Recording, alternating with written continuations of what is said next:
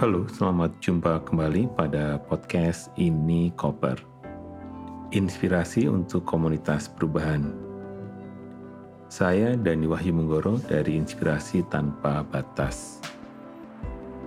Pada edisi sebelumnya, saya membahas tentang bagaimana membuat branding organisasi dengan cara yang kilat, yaitu dengan menggunakan brand sprint dengan brand sprint kita bisa membuat brand organisasi itu hanya dalam waktu tiga jam. Itu pengalaman kawan-kawan yang menggunakan brand sprint. Tapi pertanyaannya berikutnya adalah apa sebenarnya itu brand atau merek? Nah, yang menarik sebenarnya pada saat kita membuat brand kadang itu kita ramai ngobrolin tentang satu hal yang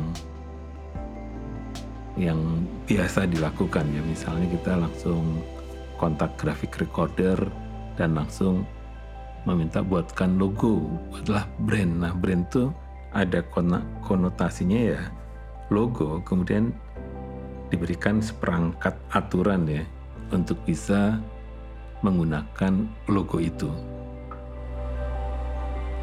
tetapi menurut buku Brand Gap yang ditulis oleh Marty, Marty menyebutkan bahwa sebenarnya dia memberikan catatan bahwa brand itu bukan logo. Brand itu hanya simbol saja gitu. Tapi dia bukan brand. Pasti bingung karena logo sendiri kalau disebutkan sebagai brand logo itu juga ada yang hanya teks saja kan, misalnya IBM atau Samsung ya hanya huruf Samsung saja gitu. Beda dengan Apple atau juga Nike misalnya itu simbol, simbol yang sangat sederhana gitu. Jadi di sini logo itu bukan brand. Jadi brand itu bukan logo maksudnya di sini ya. Jadi brand itu bukan bukan logo. Yang pertama itu. Kemudian yang kedua adalah sebuah brand itu bukan sebuah produk. Jadi produk itu bukan brand. Produk itu hasil kerja, hasil keputusan dari organisasi itu untuk untuk membuat sebuah produk atau sebuah jasa atau sebuah layanan. Nah, di sini menjadi sangat menarik sebenarnya adalah kalau demikian, apakah juga bahwa janji itu juga brand bukan? Jadi sebuah brand itu bukan sebuah janji.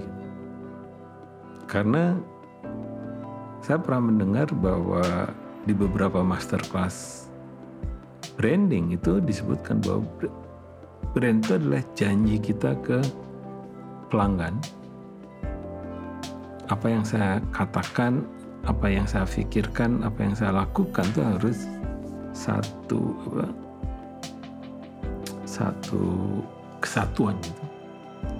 Tapi bahwa brand itu bukan bahwa janji itu bukan brand. Janji ya janji gitu. Yaitu untuk untuk bagaimana organisasi bisa memproduksi produk-produk atau jasa sesuai dengan janjinya. Nah, yang lain sebenarnya adalah juga orang menyebutkan brand itu sebenarnya impresi gitu. Impresi itu juga bukan bukan brand ya. Misalnya kalau saya punya channel kemudian ada ada orang like gitu, maka itu bukan brand. Ya impresi aja. Bisa karena suka bisa karena tidak suka. Dan kemudian memberikan komentar. Bukan itu. Karena impresi belum tentu dia juga suka dengan apa suka betulan dengan produk itu. Jadi apa sebenarnya yang disebut brand? Brand itu adalah hasil dari semua hal yang empat tadi hasil dari logo yang berhasil, dari produk yang keren karena sesuai dengan keinginan orang yang akan menggunakannya, kemudian sesuai dengan janji-janjinya, dan yang keempat tadi impresinya juga bagus. Tetapi hasil ini tidak cukup hanya orang menyebutkan saya suka. Loh, kalau dia nggak beli, kalau sudah dibeli, betul tidak?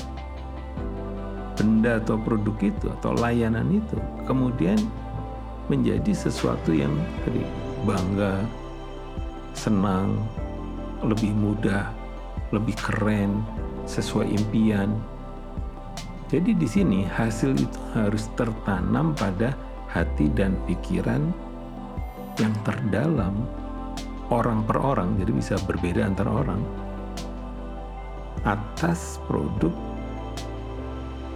jasa dan pelayanan yang ditawarkan.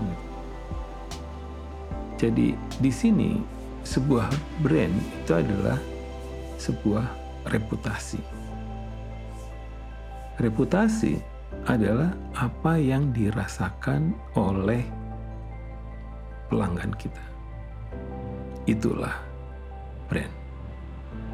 Itu saja kelas kreatif kali ini hanya untuk melengkapi dari sesi yang kemarin kita telah bahas tentang brand sprint. Jadi kita makin tahu ya sekarang bahwa brand itu bukan apa yang dikatakan oleh organisasi atau korporatnya, tapi bagaimana orang di sana. Jadi merekalah yang menyatakan tentang perasaan-perasaan tadi. Jadi bukan karena kata-kata yang muncul dari organisasi itu. Demikian tadi materi singkat, tapi bisa membantu kita ya tentang salah kaprah kita tentang brand dan harapannya kami di Nikoper percaya bahwa berbagi apa pun itu akan bermanfaat bagi komunitas perubahan. Sampai jumpa pada edisi berikutnya.